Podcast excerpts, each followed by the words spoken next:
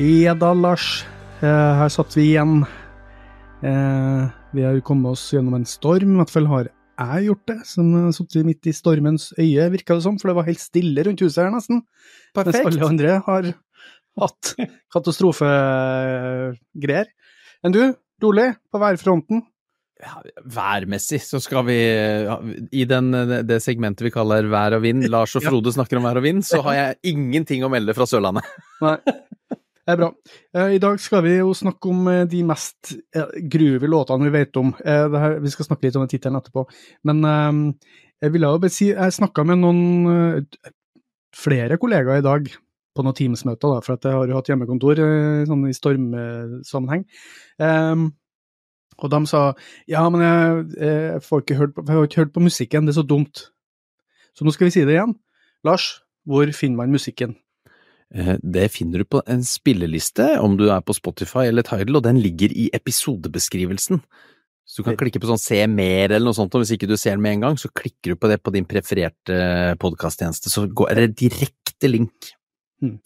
Og det kommer jeg på én dum ting med det, da. At um, egentlig så burde vi ha lagt dem som ligger på bunn, øverst i den lista, så ikke man avslører eh, topplistene. Så at man burde, det, det, er kanskje noe vi burde tenke på fra episoden her av. Ja, og, vi, og, hvis de er vanskelig å finne, kanskje vi må få de Kanskje hele episodebeskrivelsen må starte med lenka til spillelistene, hvis det er vanskelig for folk å finne de? Jeg vet ikke. Ja, jeg vet vi ikke gjør alt for folket, vi. Hvis, vi, ja, hvis folk ja, spør, så reagerer vi. Ja, ja, ja. ja, ja. Uh, ja, de mest groovy låtene vi vet om. Det var noe jeg i trynet på deg når vi holdt på skulle uh, Altså, jeg sa nå har jeg bestemt hvilken som kommer etter årets album. Veldig populær episode, forresten. Uh, det er veldig hyggelig. Ja, tusen takk. det var for så vidt fjorårets episode òg, så folk liker det å bli oppdatert, virker det som. Så det er gøy. Og så må jeg gi deg og AI skryt for eh, at vi har blitt eh, skriver litt om musikk òg, at vi legger ut den lille lista. Ja, nå, nå, tar jeg dette på sparket. Skal vi gjøre, ja. begynne å gjøre det på hver episode? Skal vi skrive fire ord om hver eh, låt, så vi blir en slags bloggtjeneste òg? Jeg vet ikke. Jeg vet ikke. Jeg vet ikke. Kanskje, du, jeg foreslår kanskje heller en oppsummering sånt, for at sjøl om man har hjelp av verktøy, så tar det litt tid likevel, fant jeg ut. Jeg så det. AI er ikke Ta, ta det med ro, folkens. Den tar ikke over verden den neste par månedene ennå. Nei, det neste år, kanskje. Ja. Eh, men få litt hjelp på promofronten, da. Det, det, er greit når man er sånn enemanns promoteam med en medhjelper som dukker opp av og til. Eh, det hørtes òg veldig passiv-aggressivt eh, ut. Det var ikke meninga. Det er, det er gnisninger i redaksjonen. Det hørtes mye verre ut enn det, men jeg, jeg har fått litt hjelp av en kjennelse til å lage litt sånn eh, småsnutter på, på video, og det syns jeg er veldig stas. For det er noe jeg egentlig har savna å kunne gjøre. Å kunne liksom tirre, tyrre, mener jeg. Tyrre, tyrre potensielle lyttere, ikke dere som hører på, da. Dere, dere som er fast. Fyttere, dere vet hva det her går i. Men resten av landet. Men ja, tilbake til tittelen, de mest groovy låtene vi vet om. For vi må diskutere litt hva er groovy, da, Lars? Og er det de mest groovy låtene vi vet om? Jeg vet i hvert fall at det her er de mest groovy låtene jeg kom på nå. Og sånn er det vel med alle episoder, Lars? Da er vi, da er vi jo tilbake til, til podkastens uh, uh, Holdt på å si brunøye, men det er jo ikke det. Til, til, til det vise øyet av til det vise øyet av podkasten, nemlig at det er jo et øyeblikksbilde av hva vi kom på her og nå. Vi er ikke profesjonelle, vi har ikke et, et, uh, vi har ikke et svært arkiv av ting vi bare kan Eller du har jo det delvis, da. Men så det blir et øyeblikksbilde. Hva kommer jeg litt på, hva hører jeg litt på? Og ikke minst, jeg har nok begynt å vri det mer og mer mot hva er det jeg egentlig har hørt mest på? Mm. Altså av groovy låter. Mm. Eh, og hva er det som treffer mest? Jeg kan, for jeg kan ikke si hva som er verdens beste, jeg har ikke peil, men jeg kan si disse liker jeg veldig godt eh, per nå. Og jeg har hørt mye på de eh, opp gjennom tiden. Ja, eh, i den gangen her har jeg i stor grad gått for det, og så har jeg noen på bobler, eh, i hvert fall én på bobler, som jeg tenkte jeg kunne slynge ut som en, eh, en, en, slags nyfinning som jeg ikke har hørt så mye på, men som var veldig kul. Men mine topp fem, da, for vi har fem i dag, fordi vi har låta Vi må kan gjenta det at uh, som regel, da, når det er artister, så er det tre stykk, for da er det litt mer å snakke om. Når det er låter, så er det fem, og når vi har årets album, så er det ti på lista. Ja, ja for da, og, og, så er vi jo Vi er jo såpass såpass idioter at vi tenker hver gang ja, for når vi skal snakke om artist, da kommer vi til å snakke sinnssykt lenge, mens låter eller album, da snakker vi ikke så mye. Så da kan vi ha flere, men vi ryker jo på en smell hver gang. Ja, Vi har en og en halv time foran oss nå. Klokka er halv ni nå, så da vet vi at klokka er ti når vi er ferdig. Men det er bra det ikke er lørdag kveld, da, for det er det ikke. Skal vi snakke litt om boblene våre med en gang, før vi går Ja. på lista? Har du Ja. noe spennende på lur? Du, jeg har faktisk veldig mye spennende på lur, eh, og jeg har eh, eh, Dette er jo eh, fire låter jeg har hørt en god del på, og én som er mest kjent fra en reklamefilm. Jeg begynner med, på boblerne, altså. Big Bang, Major Pronin fra Wildbird eh, ja. albumet der, vet du, som ikke heter uh, Electric Salmbook, heter det jo, men det er så lett å kalle det Wildbird-albumet. Ja. Eh, Den, den kårende caveman-aktige instrumentalen som dukker opp på det albumet, som er ufattelig groovy. Eh, Så har jeg Bernhoft, eh, Common Talk, eh, som jeg syns jo er aller mest groovy når han gjør den der type Ellen-show aleine med gitaren og, og Mm. spiller inn hele låta live. Mm. Og så har jeg The Doors med Break On Through. Den er Ja. Den dro jeg litt opp av hatten. Den derre grooven de har der, altså. ja. Jeg er ikke noe sånn veldig The Doors-fan. Jeg syns ofte det kan være litt sånn, nesten litt sånn kjedelig, men akkurat der syns jeg de treffer planka. Ja. Og, og så har jeg en Jeg tror sørlandsartist opprinnelig, nå ble jeg usikker. Lindsjørn. Eh, kvinne. Alle som har sett på et musikkprogram de siste tre åra, har sannsynligvis sett henne. Hun er typisk sånn medsynger, kordame, hver gang vi møtes eh, Stjernekamp og alle sånne produksjoner, og ikke minst, hun er jo koristen nå til Jarne Bernhoft. Eh, Med en låt som heter Everlasting Bliss, og den, skjønner du, den grunnen til at jeg drar henne opp, er at jeg har sett henne live. Og da Ja. ante jeg ingenting om henne, hun varma opp for noen andre, og da ble jeg helt sånn bergtatt, så jeg har egentlig sittet og hørt litt på henne siden den plata kom i 2020, for jeg syns det var utrolig fett, i den funk, eh, pop-funk-tingen. En veldig groovy låt. Og så kom jeg til den eh, femte bobleren, den som eh, jeg egentlig ikke har noe forhold til, men som jeg alltid syns har vært så kul når jeg hører den på reklame, som er enten noe sånn Lindex eller Cubus eller et eller annet.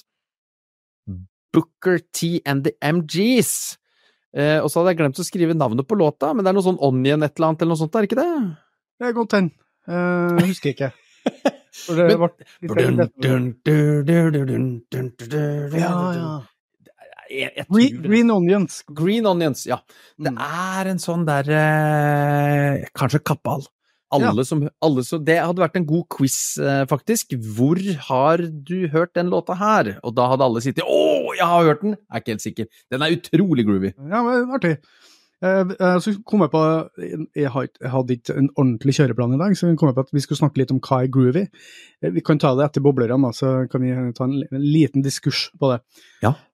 Mine boblere Jeg hadde en som har stått lenge, som jeg visste kanskje ikke skulle inn på lista, men som havna ganske godt oppi der, var Stone Roses med Fool's Gold. Ja. Den er veldig groovy, syns jeg, og eh, de var jo kjent for å være veldig dansbar. Eh, Så hadde jeg den gamle klassikeren Play That Funky Music med Wild Cherry, eh, for det husker jeg veldig godt. Da vi hadde det bandet som etter hvert ble eh, Revolt. Når vi starta opp som Power Rich, så var vi bare coverband, egentlig. Da spilte vi litt Wild Cherry. Eh, nei, nå, nå tuller jeg. Eh, det var jo ikke Rebolt engang, det var jo Poodles, det som var liksom 80-tallsbandet vårt. Og før det så hadde vi et band som het for Helping Ugly People. Eller HUP. Eh, det var et sånt studentband, da. Eh, og det var jo Helping Ugly People gikk jo på at vi spilte opp til dans, ikke sant, så skulle vi hjelpe folk å komme opp og danse. det var veldig dårlig navn, egentlig, men litt artig. Eh, Da spilte vi Play That Funky Music, og vår venn Tore Bruvoll, eh, nå kjent fra Hekla Stålstrenger, han elska jo å spille litt sånn. Mulig jeg surrer opp i tidslinjene litt om, men jeg tror det var der. Jo, jeg er ganske sikker på det, for vi hadde Long Train Running nå, husker jeg. Um, så har jeg en låt som heter Spybreak av Propellerheads. Propellerheads. Eh, sånn basen, eh, drums, big bass, nei, big drums, hva heter det for noe sånn sjangeren? Eh, sånn elektronika på 90-tallet der. Nå er du muta, Lars. Det var jo snedig. Ja, bare muta deg sjøl, du. Ja, vi har bare holdt på med hjemmekontor i fire år og Teams-møter. Du er muta, Lars, og få den. Det er flaut nå, ass. Uff, unnskyld. Ja, det Ordentlig sånn Teams-møte. ja, det er skikkelig, du er muta. Og det, det er jo alltid han derre klovnen på som er strekk, straks skal pensjonere seg. Ja, som ikke, ikke, kunne ikke brydd seg mindre om dette internettet. Det er alltid han, og nå er det meg. Eh, Halvparten av redaksjonen muter seg sjøl. og glemmer å unmute. Er det ikke drum and bass? Eh, jo, drum and bass, eh, for så vidt. Også er noe- Men det er ikke noe sånn big, eh, big bass, eh, et eller annet sånn opplegg. Altså, det var sånn store trom... Jeg vet da faen, jeg. Slap Eh, that big bass. Men det var noen som hadde History Repeating, vet du. Eh, en veldig kjent låt. Stemmer. Eh, og det er fra den, den kjente plata, vil jeg si. Dex and Drums and Rock and Roll fra 1998. Den hørte jeg en del på da jeg begynte i Bø, husker jeg. Og så eh, var det den her låta som jeg slang inn litt sånn på slutten, som jeg oppdaga for noen dager siden.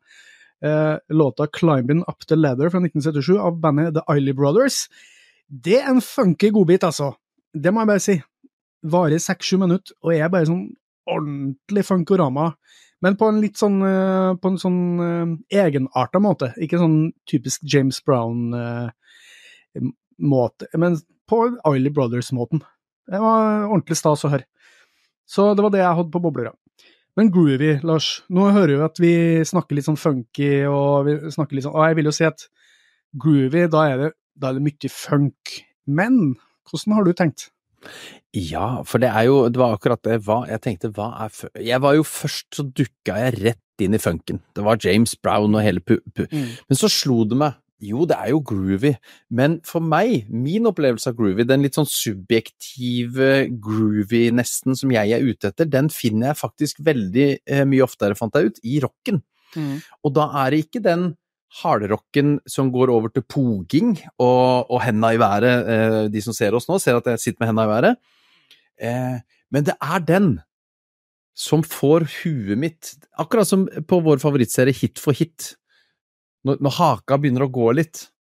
Ikke sant? Når haka Og så- litt bakpå. Ikke altfor langt bakpå, men du skal Ja, være litt bakpå. tilbake. Ja, ikke sant? Men men det skal gå litt Det er for meg grooven, og den finner jeg ofte i den litt seige delen av rocken, men jeg finner den også i funken, men ikke hvis funken blir for anmasende. Da er det ikke for meg så groovy mer. Det skal være et litt, litt slepende, eh, det vi hører på, for meg, da. Eh, Ja. Så der finner jeg min groove, og så tror jeg nok eh, andre kan finne sin groove andre steder. Primært hører jeg faktisk på trommene og bassen, selvfølgelig. Dette er jo eh, groovens eh, kjerneved. Det er trommer og bass. when Lars got, got his groove back. Yes!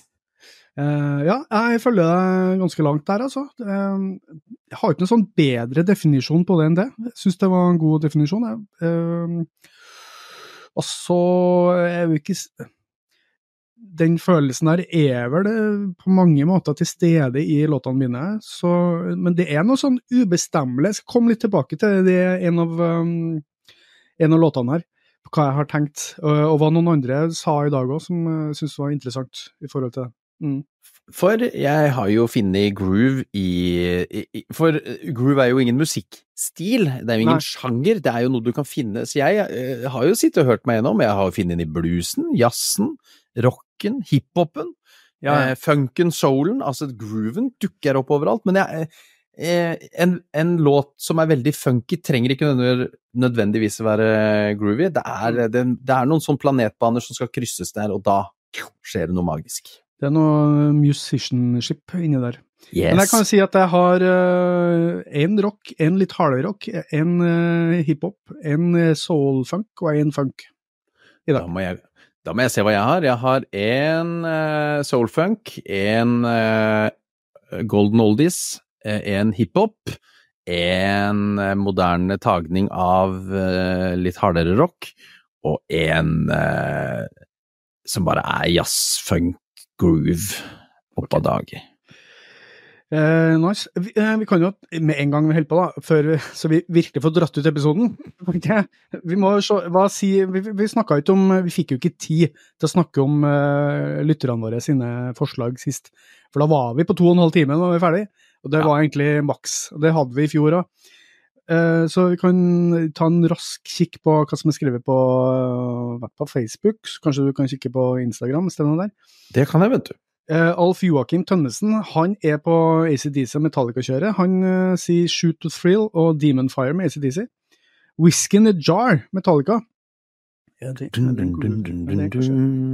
er Fin basslinje. Og de to siste går under lista hestepop. Jerry Reed, Eastbound and Down og Aaron Watson, Real Good Time. Hmm. Uh, Britt Stine har Stevie Wonder med Superstition. Eh, George Michael med Killer, Papa Was a Rolling Stone. Ja. Sam Cook, Shake. The Heavy med How Do You Like Me Now. Oi, oi, oi. Michael Jackson, Get In The Floor. Maria Grønevet. Grønevet? Grø, Grønevet? Grønevedt blir det sikkert. Lovely Day med Bill Withers, ja, det er jo en klassiker. Sly in the Family Stone, der kom det litt funk. Dance to the Music. Curtis Mayfield, Move On Up. Eh, fast eh, eller fytter, Christian Kaupang, Stevie Wonder, I Wish, Ola Kvernberg, Get Down, Laura, Remed Remedy, Herbie, Hancock, Doing It, Talking Heads, Slippery People. Nå kan du ta over litt.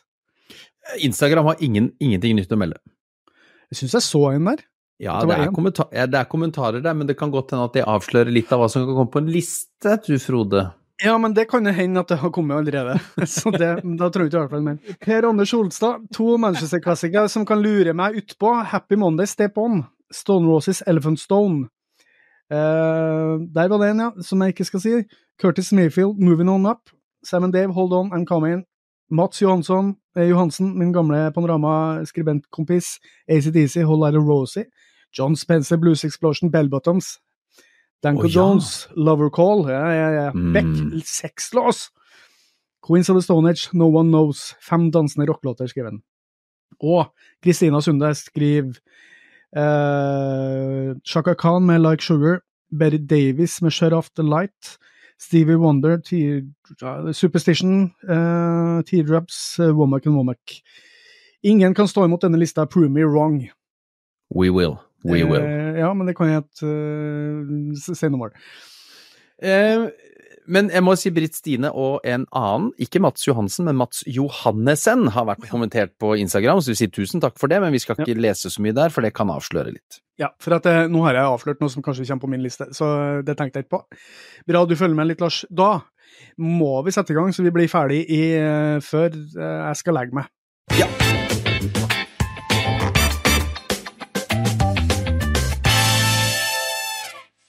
Nummer fem.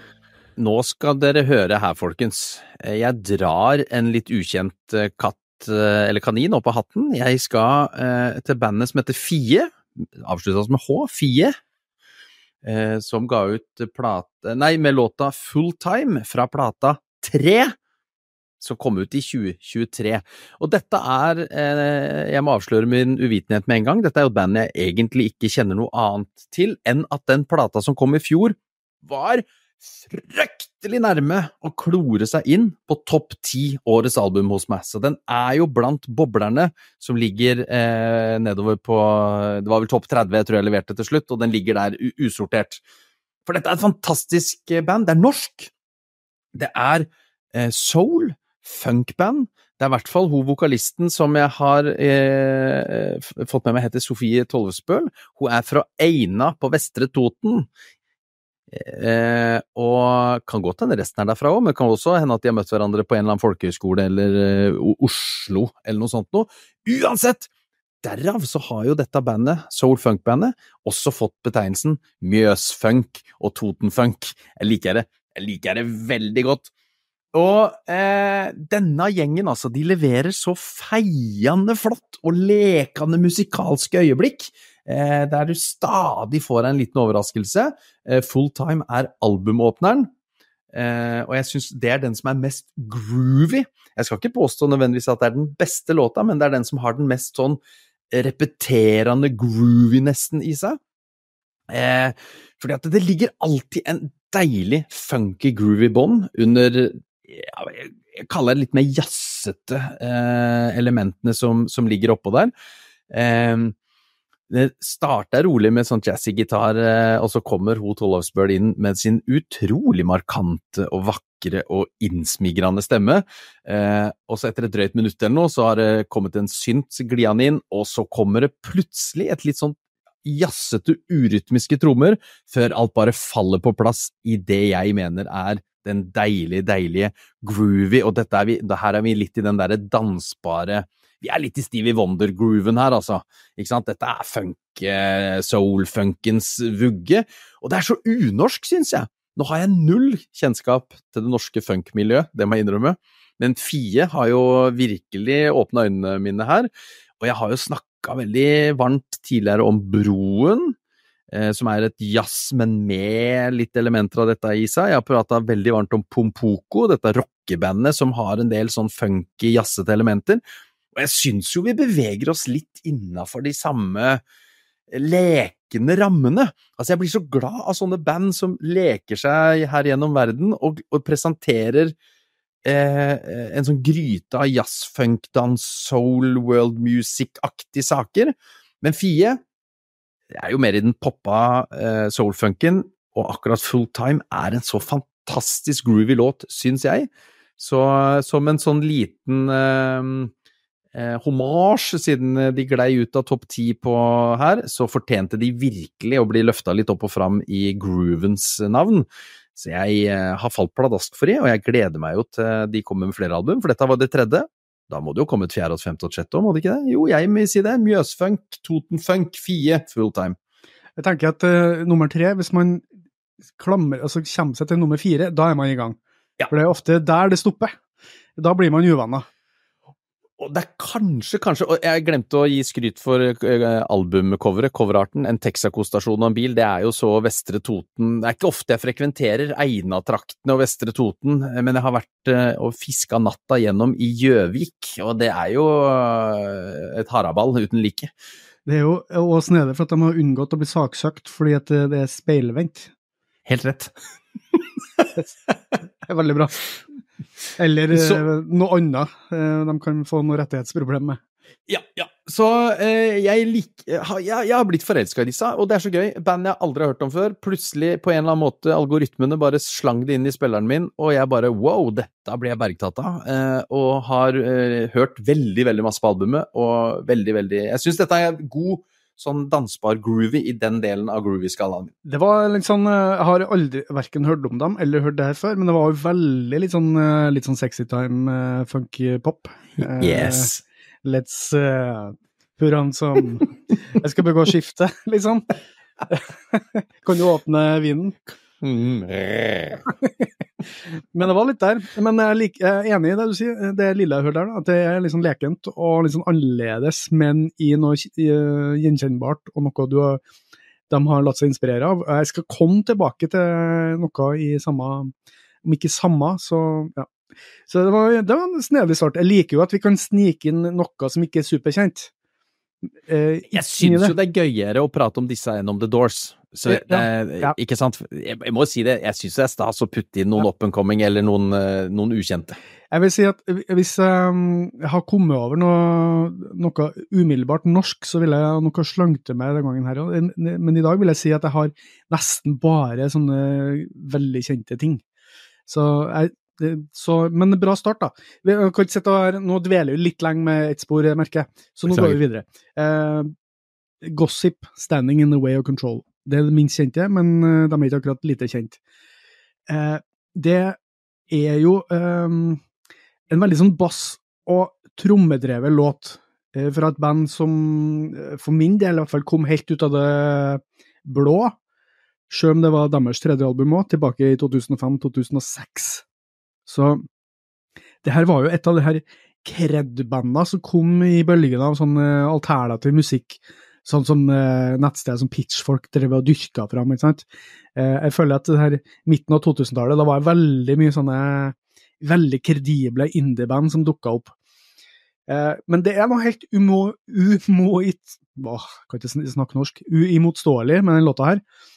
Eh, fordi at den i all sin enkelhet først og fremst handler om en sånn rytmisk og rocka driv.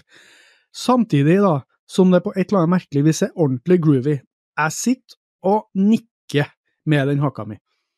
Eh, og det starter jo bare med noen trommer som bare bankes i hjel, akkurat som om låta allerede er slutt. Men så kommer det inn en sånn drivende og skittent eh, bassdrift der, eh, som setter inn etter åtte sekunder, og så går det der toget. Det er Det er en sånn slags metodisk målsetting i, i, i ting, i hvordan denne låta her eh, turer framover med eh, autoritet og schwung. Det, det toppes liksom av da den sjelfylte og dominerende stemmen til eh, Beth Ditto, heter jeg. Eh, og den tar liksom ordentlig kontroll, for å si det sånn, eh, over lokomotivet. Man føler at dette blir ordentlig tatt vare på gjennom eh, sånn bandalt kraft eh, og trøkk, med en følelse av at det her kunne vært spilt inn i garasjen, men ikke det at lyden er dårlig. Den er bra. Men først og fremst så svinger det så gærent av standing in the way of control. Eh, så da er vi inne i det her um, hva er groove og ikke. For jeg sitter jo her og gynger med hode og hofte og hake og tramper takta mens den går. Jeg klarer ikke helt å sitte stille. Og det vil jeg si, det er en jæklig god groove-indikator i min bok. Men det er litt sånn annerledes groove, så derfor er den her nederst, for at den er kanskje ikke den typiske groovy låta. Og så var det, i dag så var det en kollega som eh, For jeg, jeg, sa at jeg skulle spille inn denne episoden, så spurte jeg hva er groovy for deg? Og så sier jeg ja, groove det er litt sånn som sånne mjuke bølger eh, som liksom slår inn, du, du liksom blir bare dratt med. Og jeg, jeg skjønner hva hun mener, og jeg er delvis enig. Men jeg syns òg groove, groovy, eller groove, kan være litt sånn maskinelt og litt sånn rytmisk insisterende. Og, der er vi med Gossip sin klassiker 'Standing in the Way of Control'. Den inviterer liksom ikke, men den krever og insisterer at du skal være med og groove. Du må liksom bare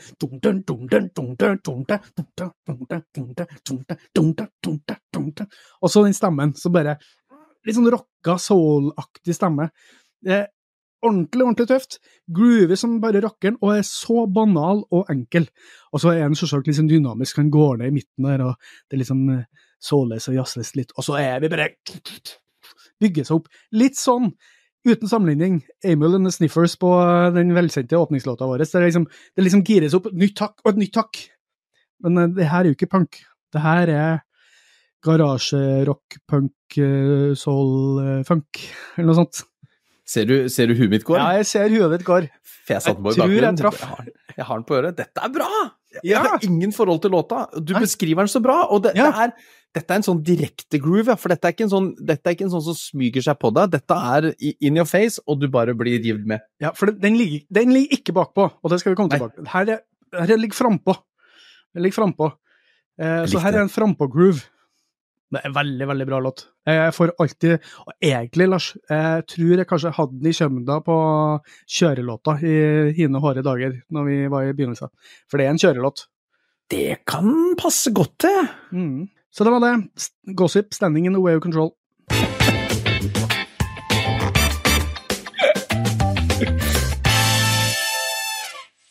Nummer fire føler det litt sånn, eh, litt sånn eh, off i kveld. I hvert fall er det. Det er litt, sånn, eh, det er litt seint på kvelden, er det det som er greia? Ja, for nå har klokka blitt ni. Kjempesent. Nei, det er jo ikke det. Men det, jeg vet ikke. Det er noen dager. Det er bare jeg sånn. Men, Some jeg, days. Ja, jeg skulle ikke forstyrre deg. Nummer fire, ellers. For hvis du, er litt, hvis du har en litt off day, Frode, og det er ja. deg hjemme, oh. så anbefaler jeg å sette på den låta her. Abbey Road, 1969, Beatles, Come Together.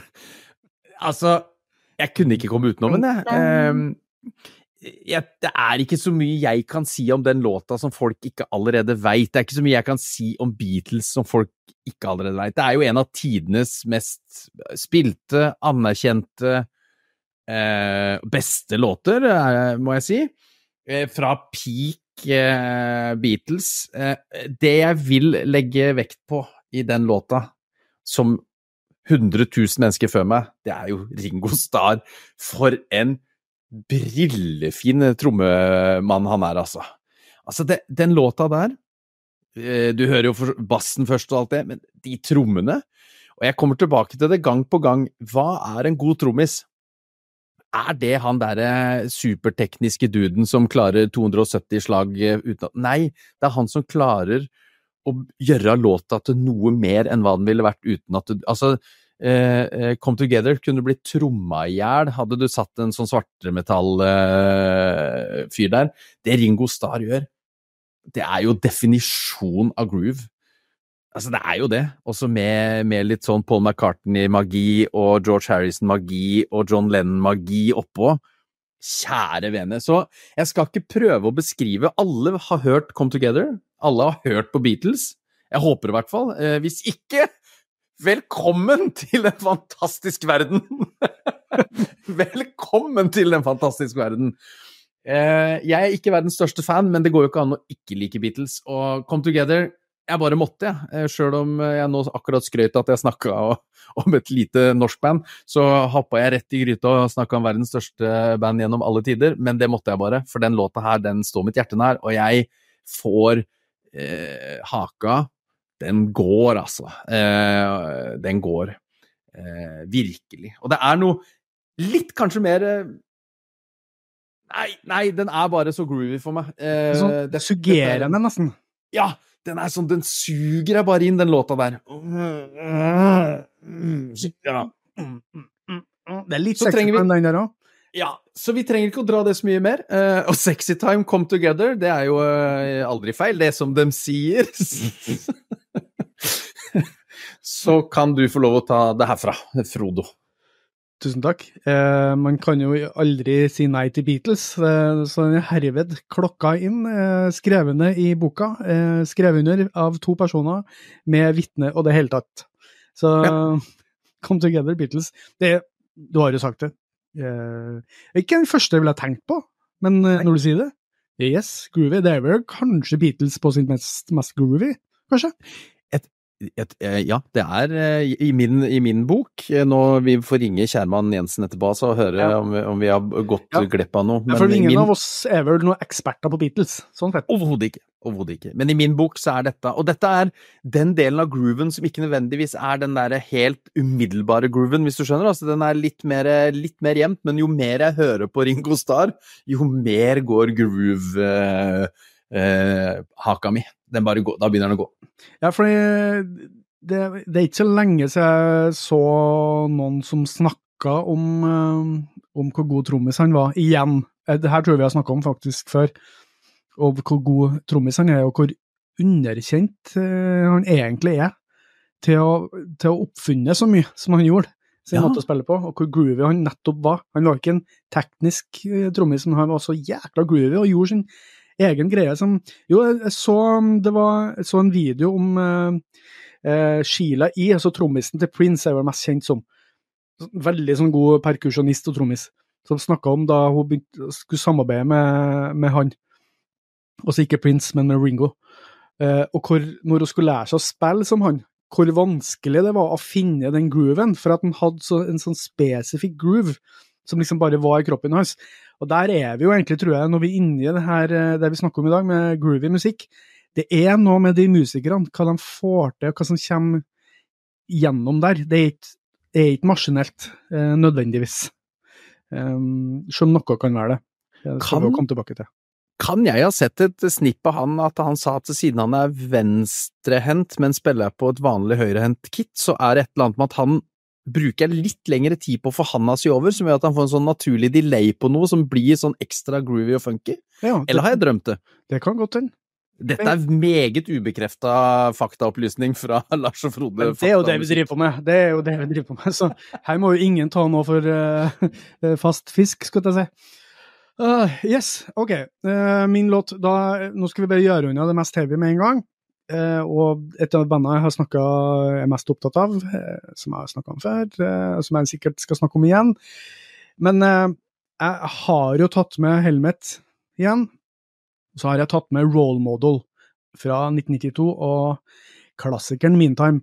Et av mine topp fem album ever. Så det var ikke så Det, som, det, var, den, det var, ikke så lang strekning å gå. Men jeg, jeg visste når jeg skulle lage denne episoden, at eh, én låt, og da sannsynligvis Role Model, kom til å bli med på den. Eh, fordi jeg har sikkert i 25 år, om ikke 30, snart tenkt at Helmet er et av de mest groovy bandene som noensinne har eksistert, eh, i hvert fall innenfor rocken. Og spesielt på de to albumene Meantime eh, fra 92 og Betty fra 94. Jeg dro jo fram Milk Toast fra Betty i episoden der vi snakka om låta med mat i tittelen, men her vil jeg jo dra fram det som kanskje er min favorittlåt av Helmet, Role Model. Det er avslutningslåta på Meantime, og hele denne låta her, det er liksom essensen av hva Helmet var på den tida her. Det er støyende, det er knallhardt, det er skitete, det er ekstremt groovy og på mange måter funky. Og han trommisen, da, John Stanier, er for meg kanskje den største årsaken til at det gruver såpass som det gjør. For det er noe med de nakne, knallharde trommene, og han fyller spillinga med masse, masse luft. Da må liksom bandet òg fylle på, eller ikke fylle på, med rom og luft. Og du som lytter da får en så mye større opplevelse av det rytmiske monsteret det her bandet var. Låta går liksom rett i gruvet fra startskuddet, uten noe mikk-makk.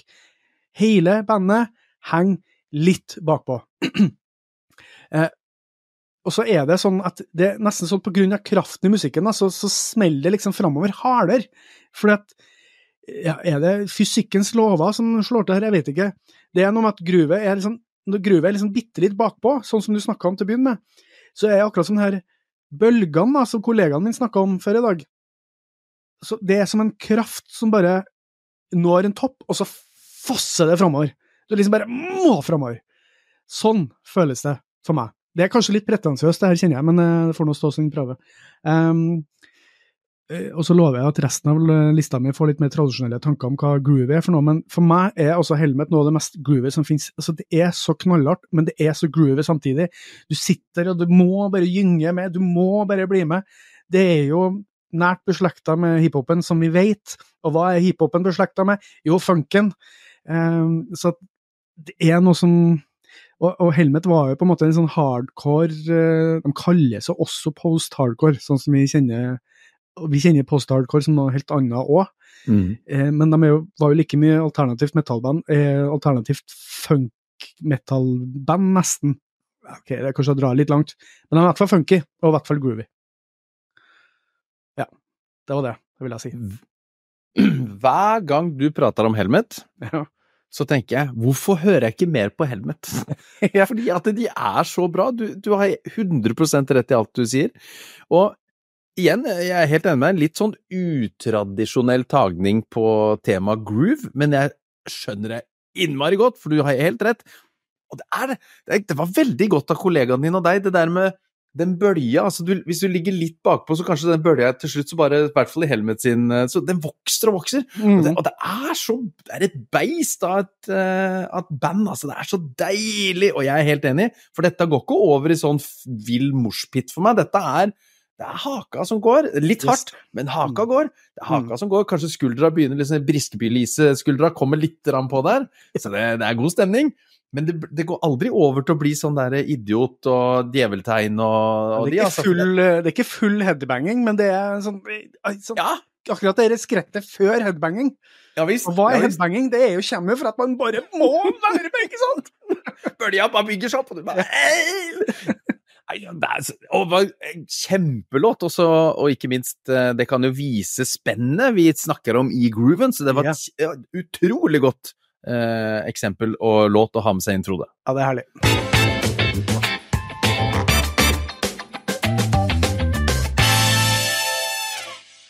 Nummer tre. Og når du da først dro linja fra eh, Helmet til hiphopen, så drar jeg hiphopen rett opp av hatten. Vi skal til Wu-Tang Clan, vi skal til Cream eller Cash Rules Everything Around Me fra Enter the Wu-Tang 36 Chambers fra 1993, så det er vel fort ett år yngre da enn Helmet sin plate. Eh, men vi er tilbake der vi ofte havner, eh, tidlig midt 90. vi er der vi skal være. Og hva skal vi si, da? Eh, jeg veit at Frode, jeg veit at du liker denne låta. Ehm, eh, vi liker Wotang, vi. Eh, vi er jo glad i hiphop, vi rocker huene. Dere som ikke, mot, hvis mot formodning ikke har hørt den, så skal jeg prøve å forklare den. Ehm, den er så groovy som det kan bli. Det er ikke så mye mer å si. Eh, Wu-Tang Clan er jo et hiphop-kollektiv, eh, kan du si. De var vel en åtte-ni folk på der. Eh, Her er det faktisk kun tre av de. Ra Reikvon, Inspekta Deck og Method Man som rapper. Eh, og de har sampla et piano, og det er jo det som, eh, som egentlig her i denne låta Låta er veldig sånn Sjøl om Wu-Tang Clan er jo gangsta all the way, de er jo så tøffe i trynet, og 36 Chambers, eh, ikke sant, Enter the Wu-Tang, fuck off eh, Og så er det Dette her er så soft og nedpå eh, i, i melodien og beat. Eh, og det er altså så funky. De har tatt eh, en pianosample fra en ballade som heter As Long As I've Got You av The Charmels. Det er vel en sånn sein 60-tallsballade, så det Dun, dun, dun, dun, dun, dun, dun. og den går og går og går. Så det er tatt bruddstykker av en tekst som heter Money Dollar Bill Yal, som den går igjen igjen, som er fra Jimmy Spicer 1989. Og så har jeg tatt et hook fra Hey Love, fra, og da er vi inne på funken, Delphonics 1972. Der ser man jo hvordan hiphopen på sine eh, finurlige vis eh, stjeler litt som skjærer, er ute og henter litt det beste for alle verdener, får en god DJ eller produsent til å bare smyge dette sammen, og så legger de på, og de er så gode til å rappe. Det er jo det jeg syns er det feteste med Wu-Tang, er at uh, uansett hvem av de gutta som er inne, så det er en flow, og her ligger jo grooven både i samplinga, altså i, i funk-sample i bånn, bassen, her ligger i det pianoet, og her ligger ikke minst i den flowen, den groovy flowen som disse gutta har når de spytter rhymes, som de, de sier. Nå prøver jeg å være tøffere, og det, det blir Ungene mine har nå sagt 'nå var du cringe, pappa'. eh, jeg syns Her hører du inspirasjonen fra funk soul. Eh, du hører eh, den magiske Wu-Tang-touchen som de bare krydrer over. Eh, og det er nesten sånn søvndyssende i all sin gangster groove, men dette syns jeg er hiphop på sitt mest groovy og litt sånn tilbakelente. Vi er tilbake på det igjen. Tilbakelent, groovy, og den passer egentlig like godt på avslapping som den gjør til fest. Det er sånn jeg, jeg, har, jeg, har, faktisk ikke noe spesielt forhold til låta her, med sine 400 millioner avspillinger på Spotify. Det er ikke du som står for de? Det er for at jeg, jeg tenker jo at det her er jo så beslekta med dem eh, som jeg bare kommer på nå. Hvorfor har ikke jeg med litt av Tribe Called Quest? Helt rett. for det her, det er jo den her gata. Eh, og nå er det sånn Å, herregud. Jeg burde ha hatt med noe av Tribe Called Quest, men det har vi jo for så vidt snakka om før, da, så det har blitt enda mer. Uh, men jeg digger jo den, den, type groove som de står for, og det her er jo i samme gata. Ja. Den samme Kanskje enda sløyere, for å si det sånn. Ja, det, ja for dette er sløyt. Dette er groove ja. som går over til sløyt. Det, det var godt sånn, uh... Ja, for det er sånn som man sa på 70-tallet. sløyt. for å være ordentlig gammel, liksom før vår tid. Uh, hvert fall nesten. Uh, nei, men fordi at uh, det her er nesten litt sånn som når, når de er nedi den femte jointen, liksom. ja. De ikke orker noe mer, men bare koser seg ordentlig. Fordi disse gutta her har ikke vært på brennevinsfylla, nei. De bruker nei. litt sånn eh, neddempa, sånn at de skal komme seg litt ned på jorda, eh, og ikke opp i eh, De skal ikke ut og kline ned noen tryner i brennevinsfylla, de skal ta det lugnt på sofaen. Fordi at det, det her er liksom ikke russepop eller noe festmusikk, moderne norsk festmusikk, der det liksom bare tempoet bare går høyere og høyere opp, og du mister alt på slutten. Mm. Eh, nei, det her er motsatt vei. Så ja, nei, men det, det, her, er, det her, er, her er groove. Ja, det her er groove. Sånn skal det være. Ja, bra. Uh, og da kan jeg Så du kommer med hiphopen, så kommer jeg med litt mer hiphop. For um, jeg gikk jo for litt mer aggressiv groove da, for da har jeg gått for Beastie Boys. Oh yes! For Shake Your Rump fra 1989, Pauls Butikk. Uh, det blir jo nesten ikke mer uh, groovy innenfor hiphop enn det Beastie Boys er på Pauls Butikk, da. Uh, og en av de mest groovy er jo Shake and Rump. Jeg kunne ha plukka lett en rekke andre låter òg, men han dukka opp for meg nå, og når jeg hørte på han, så er jeg bare å herregud, det er så funky og groovy! Um, det her er jo i praksis åpningslåta. Det er en sånn litt sånn pussig greie førre der, som er litt sånn All the girls in uh, All the Swiss girls og all uh, Det er den, ja! Hele greia der. Som liksom er åpningssporet. Men det er det her som liksom er den første. Og her flyr det på med funk, soul og jazz og rock samples. Eh, de, de, altså de sampla jo som ingen andre har gjort noensinne. De var jo ordentlig de som gjorde det til en egen greie, og det, de fikk jo jæklig mye pes for det eh, på den tida der. Unnskyld meg, måtte hoste litt. Eh, og de er jo på det mest innovative og rampete det går an å tenke seg, for nå er de ferdig med det uh, It's a right to fight uh, og greier der. Right party Glemmer hva låta heter. You gotta fight for right to party. Eller, Jeg husker at, ja, det snakka om sist, at jeg husker når jeg så dem som liten guttunge, jeg tenkte herregud, for noen slemme gutter som ødelegger, og sånn.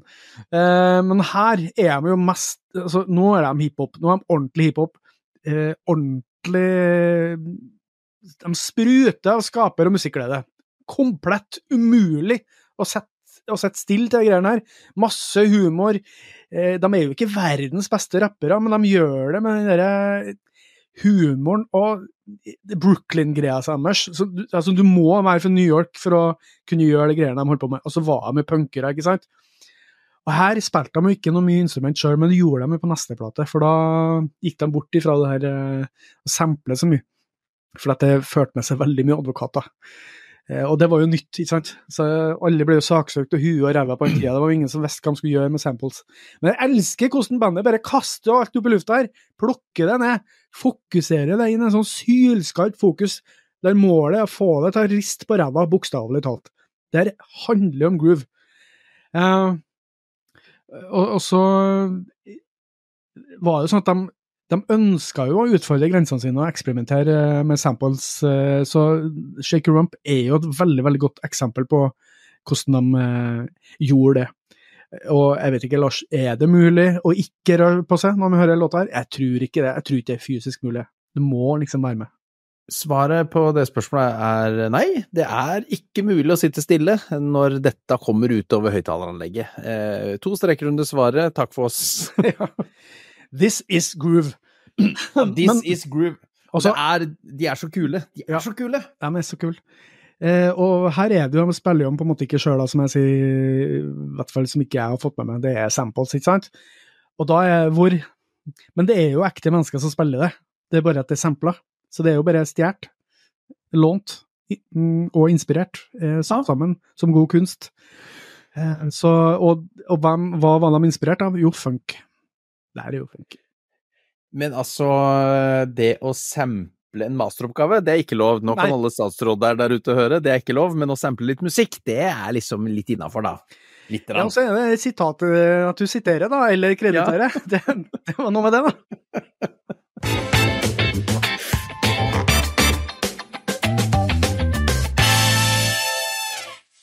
Nummer to. Nå er jeg optimistisk, Lars. Kanskje blir det ikke en og en halv time?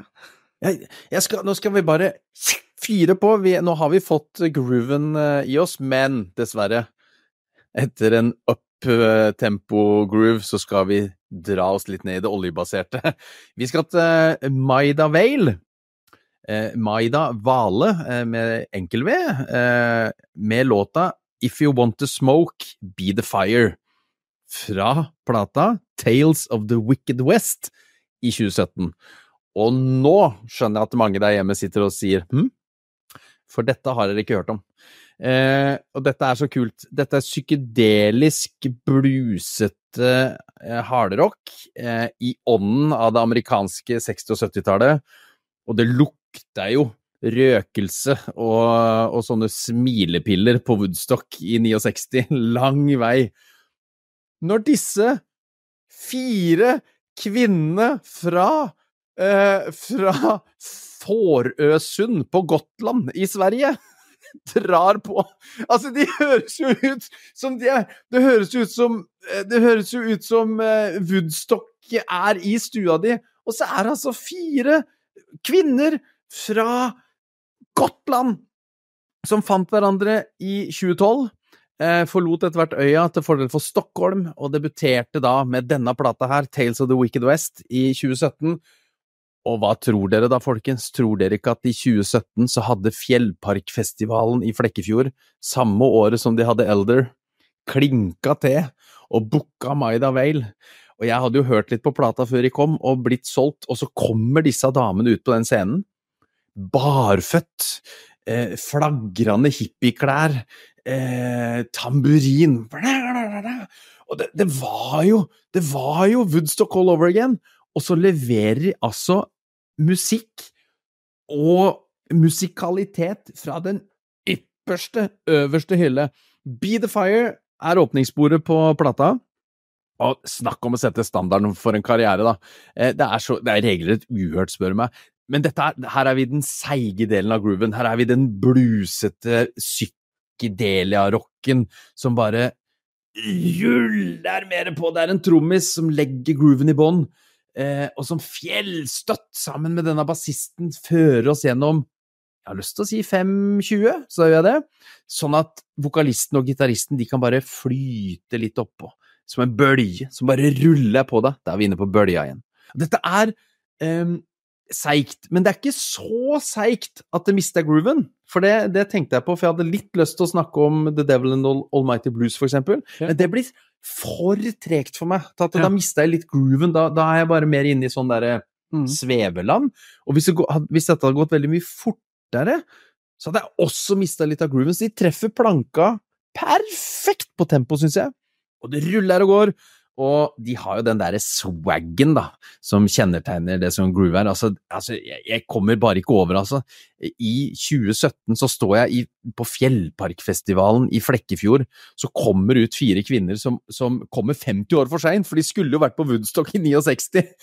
Og så kommer de til Flekkefjord, og der står jeg og får dette, denne oppvisninga av et band. Så sjekk ut eh, Maida Vel, da, folkens. Eh, de er ute og turnerer nå. De har kommet med en ny plate under koronaen, husker ikke navnet på den men de er på turné, så plutselig så dukker de opp på en klubb i nærheten av deg, eh, og da kan dere tenke på Lars og Frode tipser om Maida Vale. Altså, og det at du står så Elder òg, i Flekkefjord, altså det er fortsatt, det er fortsatt for meg litt sånn what? Ja, og da hadde jo de med seg King Buffalo, så de fikk også lov å spille, husker jeg. Eh, nei, det var, eh, det var, det var ille bra, som de sier i Fredrikstad. Det var ille, ille bra, ja. Ille bra. Uh, så, så ser jeg jo at det her er jo et band med 10 500 månedlige lyttere på Spotify, men den, den låta her er 1,5 millioner avspillinger. Så det er ikke noen liten låt, si.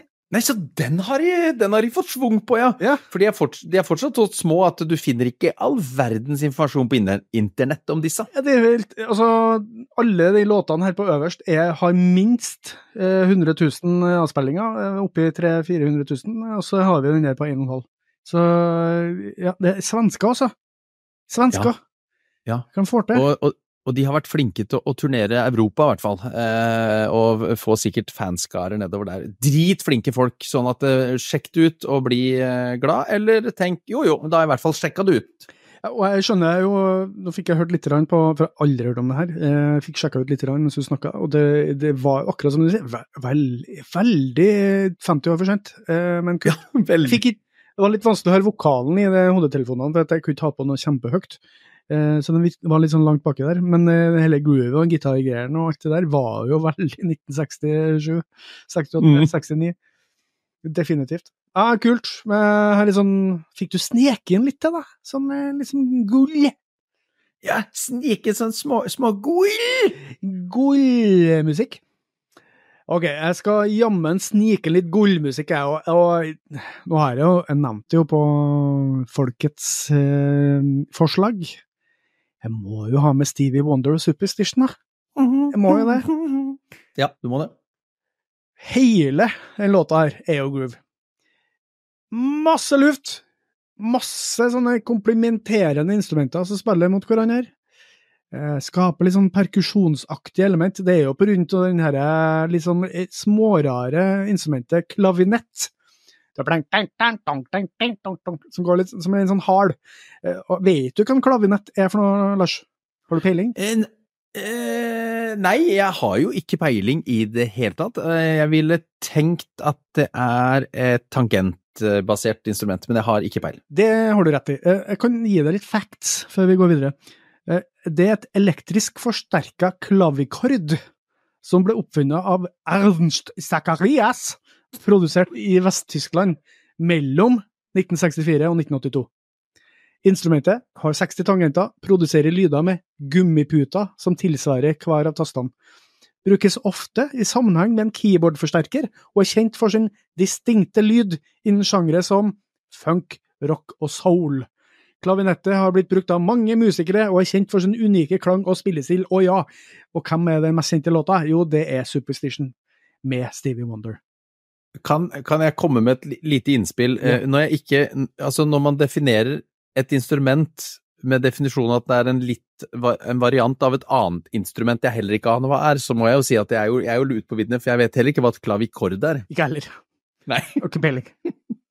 Har ikke peiling. Tross alt ikke musiker, er bare synser og musikkelsker.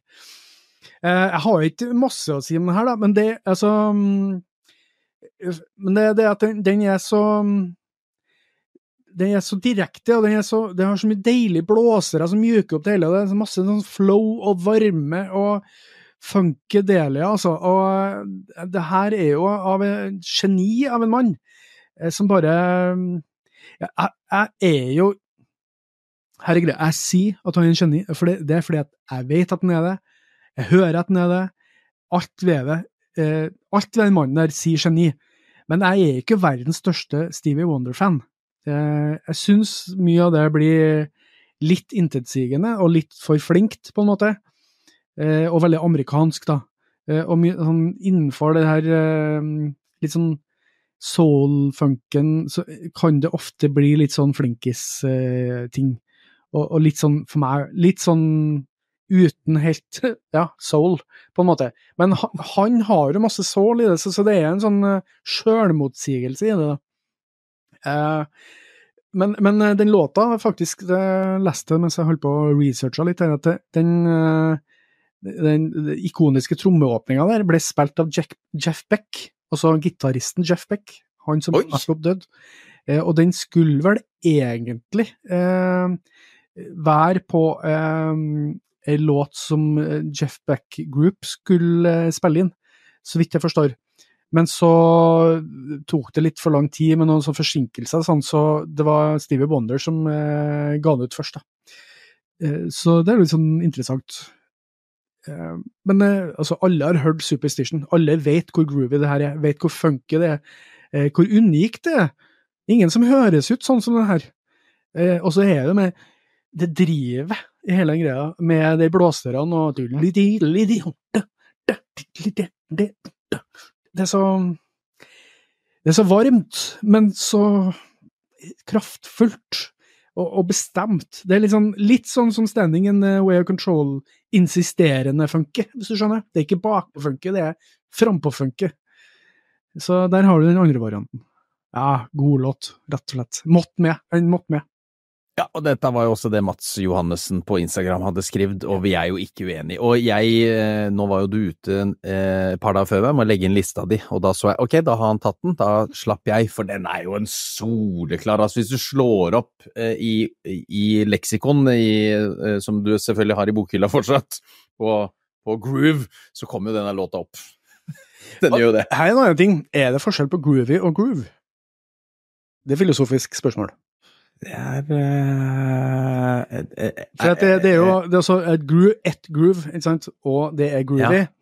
Men, eh, men det er noen greier der som jeg ikke helt klarer å sette fingeren på akkurat nå. Det her er groovy, men eh, det er et groove. Men det er, et groove er ikke det samme som at det er groovy. Nå kan de musikkflinkisene der Ja. ute pepre oss med kommentarer og tilbakemeldinger. Vær så snill. Kjære Tusen takk. musikere som ikke gidder å høre på oss, da, for at dere er opptatt med å lage musikk, eh, eller ikke bryr seg om eh, musikksynsere, for dere er jo tross alt musikere. Eh, men eh, gi oss gjerne tilbakemelding. Men eh, jeg ville ha sagt at det er forskjell på groove som et konsept, og groovy som et eh, konsept og beskrivelse av groove. Kanskje. Dette kan vi ta videre i den filosofipodkasten vi har snakka om før at vi skal starte opp, så da, da tar vi det, de store spørsmåla i livet. Groove og groovy. Lars og Frode snakker om filosofi. Eller blir jo for så vidt en musikkvariant, det, da. Så får det bare være.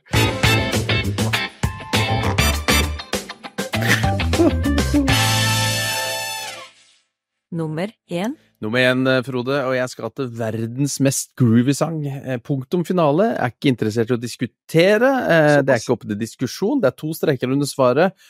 Det er Tuatara, låta etter Snake Charmer, albumet etter Underworld, og kom i 2014. Og da er det sikkert noen der ute som tenker Tuatara, har ikke, har ikke hørt om de før? Jo, det har du. Her på Lars og Frode snakker om musikk. Veldig, veldig tidlig i karrieren vår eh, så tok jeg opp av hatten en sånn 'denne må dere bare høre på'. Jeg, jeg tror det var en sånn vår forsommerepisode som jeg sa 'denne må du bare høre på når du sitter på terrassen'. Det ble opphavet til ukas tips. Så ja. kanskje noen har hørt albumet og låta før, men det var jo bare sånn sidespor den gangen. Nå skal han få eh, skinne på toppen av den forgylte eh, eh, pallen. Eh, Tuatara, altså. Hva er Tuatara for et band? Det er et jazz, funk, groovy instrumentalt band. Eh, I den eh, starta i 1996 av Barrett Martin, trommis i Screaming Trees, som jeg har snakka litt om før, for jeg er veldig glad i de. Eh, han har også vært med i supergruppa Mad Season, grunchens, eh, supergruppe nummer én. Eh, han har litt mer jazza orkester Barrett Martin Group, osv. Og så fikk han med seg en eh, gitarist eh, til å starte dette bandet, ikke helt ukjente Peter Buck fra REM, pluss en del annet. Eh, og så en som heter Justin Harwood på bass, og Skerik på saksofon. Og det er jo nettopp Skerik som skal få en slags hovedrolle i denne låta, da. De har gitt ut åtte album eh, siden 96, men det er bare Barrett Martin og Peter Buck som har vært med hele, hele tida. Eh, dette er jo et sideprosjekt. Et veldig langtlevende sideprosjekt. Det er jo ikke alltid sideprosjekter varer så lenge. Eh, de var elleve stykker på det meste, eh, på femteplata eller noe sånt nå, og da eh, Men det er stort gjennomtrekk av de andre, da. Men Skerik, han henger for så vidt også med, men han er ikke med nå noe mer. Uansett, på Underworld og på plata Snake Charmers er Mike McCready fra Pearl Jam med på gitar, og det er klart, alt som det står Pearl Jam bak, er jo jeg på som en kanin, eh, småjokkane på all den musikken for å sjekke den ut. Og navnet på låta, Snake Charmer, der er vi inne på det. Det er jo navnet på slangetemaer, det, vet du, på godt norsk. Eh, se for deg den mannen med turban og fløyte som sitter for en sånn liten trekurv, lokket tas av, kobraen kommer opp og blir efter sigende eh, hypnotisert av denne eh, mannen. Og så jeg har aldri vært i India. Kasta vi penger til den? Er det som en sånn, eh, er det som en sånn, liksom, tryllekunstner på hjørnet? At vi gir noen kroner til en Det var godt hypnotisert? Vet ikke. Eh, uansett, det er jo sånn denne sangen virker på meg. Jeg blir hypnotisert. For her kommer altså trommene inn med en sånn ufattelig deilig groove. Det, det går og går og går. Sammen med den bassen så kommer Ja, nå sitter de som ser oss på YouTube nå, eller, eller Spotify og de, ser uh, huet til Frode. Og nå gjør Frode det jeg skulle til å si. Bass eh, Når haka begynner å gå som når bassist Nikolai Eilertsen spiller, da er det groove. For alle som har vært på en Big Bang-konsert og sett haka til Eilertsen begynne å gå, da er det da, da groover det. Da, eller som de sier på svensk, nu svenger det! Nu svenger det! Og bassen er høyt på brystet. Ah, bassen er høyt på brystet, ja. Og det er akkurat det som skjer her, før gitaren kommer og legger et sånt deilig svevende teppe, og så kommer Skerik inn med denne saksofonen sin og bare bergtar oss og hypnotiserer oss, i hvert fall meg. Eh, jeg jeg syns dette er så suggerende at jeg klarer bare ikke å gi slipp. Jeg blir låst fast i en sånn slags magisk verden av vellyd og instrumenter. Jeg er den kobraen som kommer opp Det kan dere se for dere hvis dere vil sove dårlig til kvelden. Se for deg en naken Lars som kommer opp av en sånn der trekrukke, dansende, eh, og står der helt hypnotisert og danser. Litt som en sånn mann med luft i seg, som har litt for lite luft i armene. Der står jeg og hører på Snake Charmer, for dette er helt seriøst den mest groovy sangen jeg veit om i hele mitt liv, og jeg har hatt eh, lange perioder av livet mitt, eh, i hvert fall de siste åra siden jeg fant den, eh, hatt en sånn eh, Sett den sangen på repeat og hør den 20 ganger. Uten at jeg faktisk blir lei, for det, det er noe helt magisk med den. Så sjelden har vel en tittel og, og, å, Og det som skjer med meg, stemt bedre overens. Jeg er slangen, og jeg blir sjarmert av denne gjengen. Tuatara, Snake Charmer, er fabelaktig groovy, altså. Det er um, um, Ja, jeg husker jo veldig godt Tuatara fra da du snakka om det. Men av en eller annen grunn så trodde jeg at det her var en sånn nytt, uh, fancy band som uh, Av en eller annen grunn så innbilte jeg meg at de var fransk. Fransk, Franche, French. Men de omtales som en instrumental supergroup, sånn som du sier. ja. Veldig groovy opplegg der, ja. Bassen og og så litt sånn, ja, som du sier, den saksofonen som bare smyger seg inn som bare saksofoner kan. For det er jo ikke alltid saksofonbruk er positivt hei 80-tallet. Det kan bli litt mye, men her, her får den den Her høres den litt mer ut som den derre trefløyta til han, han på hjørnet med den kobraen. Ja, det er noe litt sånn off med det, som gjør at det blir interessant, ikke sant. Og det er jo sånn god jazz kan være at det blir litt sånn Nå, nå skurrer jeg, skurrer, men det var veldig interessant, da. Veldig ja. interessant, det du holder på med der. Kom fra Brønnøysund, plutselig.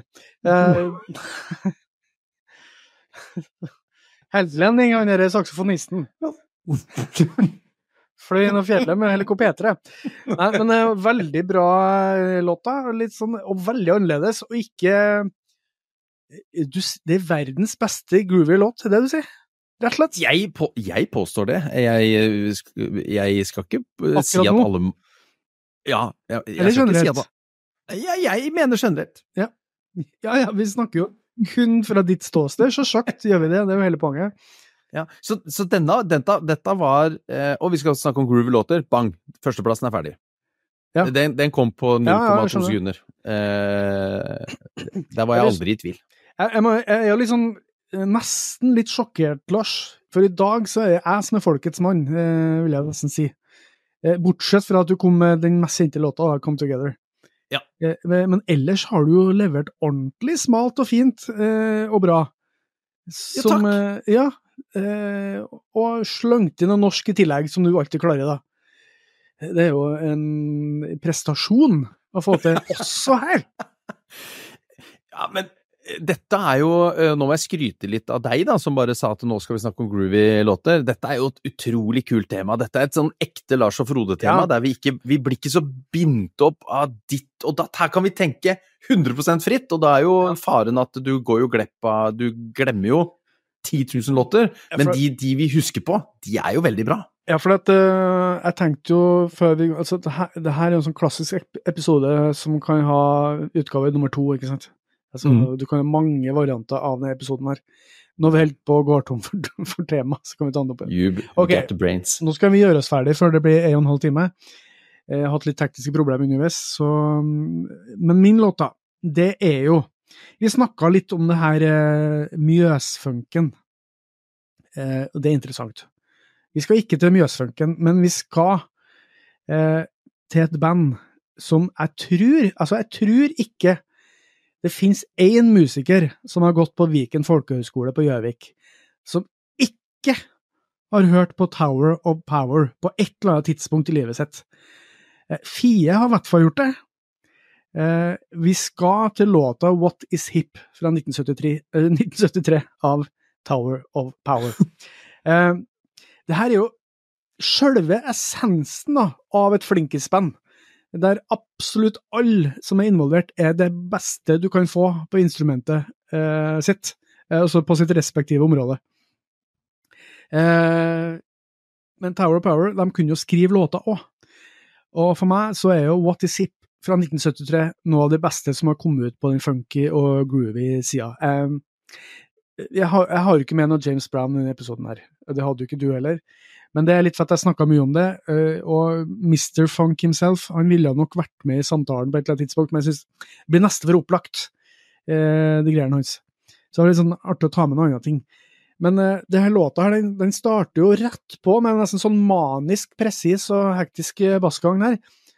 Uh, som da krydres med like presise trommer, funkgitar og blåsere, og som har en sånn veldig sånn dyktig vokalist som uh, en tenorvokalist som eller tenorvokal som passer helt eminent sammen med resten. Det er jo latterlig velspilt. Eh, som jeg tror da aspirerende heltidsmusikere, spesielt innen sånn litt mer sånn pop, soul, funk eh, altså, de, de, får våte drømmer av å høre på Tower of Power og den låta her. De, de ligger bare Å, herregud. Det er kanskje den mest kliniske låta på den lista her, men uh, det er bare i den forstand at det leveres så sylskarpt. Altså, det er uh, Altså, det er så presist, og det er så eh, infernalsk funky og groovy, og artig å høre noen som spiller så bra, og som er bare så on it. Um, og jeg leste en eller annen Mens jeg drev og researcha litt, så var jeg sånn på diverse ute og ja, hva er den mest groovy låta, og sånn, og da så jeg at den kom opp. Uh, han uh, Trujillo, uh, bassisten i Metallica, han hadde den her for eksempel som en av sine favoritt-groovy låter, og det kan man jo forstå. Det var han som slo opp det her Isley Brothers, 'Climbing Up The Ladder', som jeg snakka om på Bablerne. Mm. Sånn jeg oppdaga den. Eh, og det er en bassist som kan sin funk, eh, som kommer fra funken i eh, utgangspunktet. og det er noe med Altså, det er så krevende å spille den type musikk. Det høres lett ut, på en måte, at det, det er så det er så presist, og det er så på, og det er liksom Det henger så lett sammen, og det, det er nesten så det er sampla, ikke sant? Men nei da, det her er jo ekte musikere mm. som spiller det her live òg, akkurat samme måten. Og så vil jeg jo si da, at sånn Jeg har sett noen Viken folkehøgskoleband i mitt liv, sånne funkband. Eh, også når jeg gikk på folkeskole sjøl, for da fikk man besøk av sånne skolekonserter og sånne ting.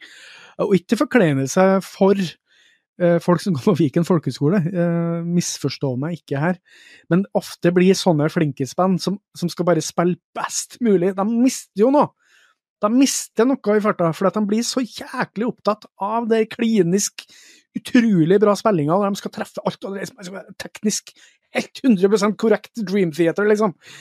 Eh, og da er det liksom noe som du mister. Men hvis du har en bra låt, Gi bra låter, du bandet på Viken folkehøgskole, plutselig så er du D-sound, da, ikke sant? Eh, da lager gode låter i tillegg. Da har du det, for D-Sound er jo Viken folkehøgskole summert opp i to stykker, og så fikk de på en vokalist, og så er de liksom De, de har hørt på Tower of Power! og sånt. Da er liksom bare Å, herregud, Tower of Power. ja, der er dem. Men uh, du kan skrive gode låter, og da reddes du inn av Uansett hva slags nivå det er på instrument, tenker jeg. Om du er skitflink eller skitdårlig. Så gode låter, oi, oi, oi, hva du kan få til da? Åh. Og da får du til. God låt.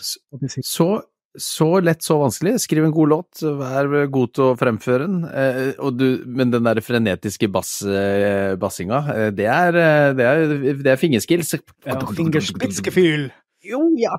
Jeg, måtte, jeg kjenner jo ikke Jeg er jo ikke inne i verken uh, folkehøyskolemiljø eller funkmiljø, men jeg måtte inn og, inn og se, på, se på Er det en greie innafor soulen at de skal i hver eller i hvert fall annenhver låttittel, fortelle hvilken sjanger de holder på med.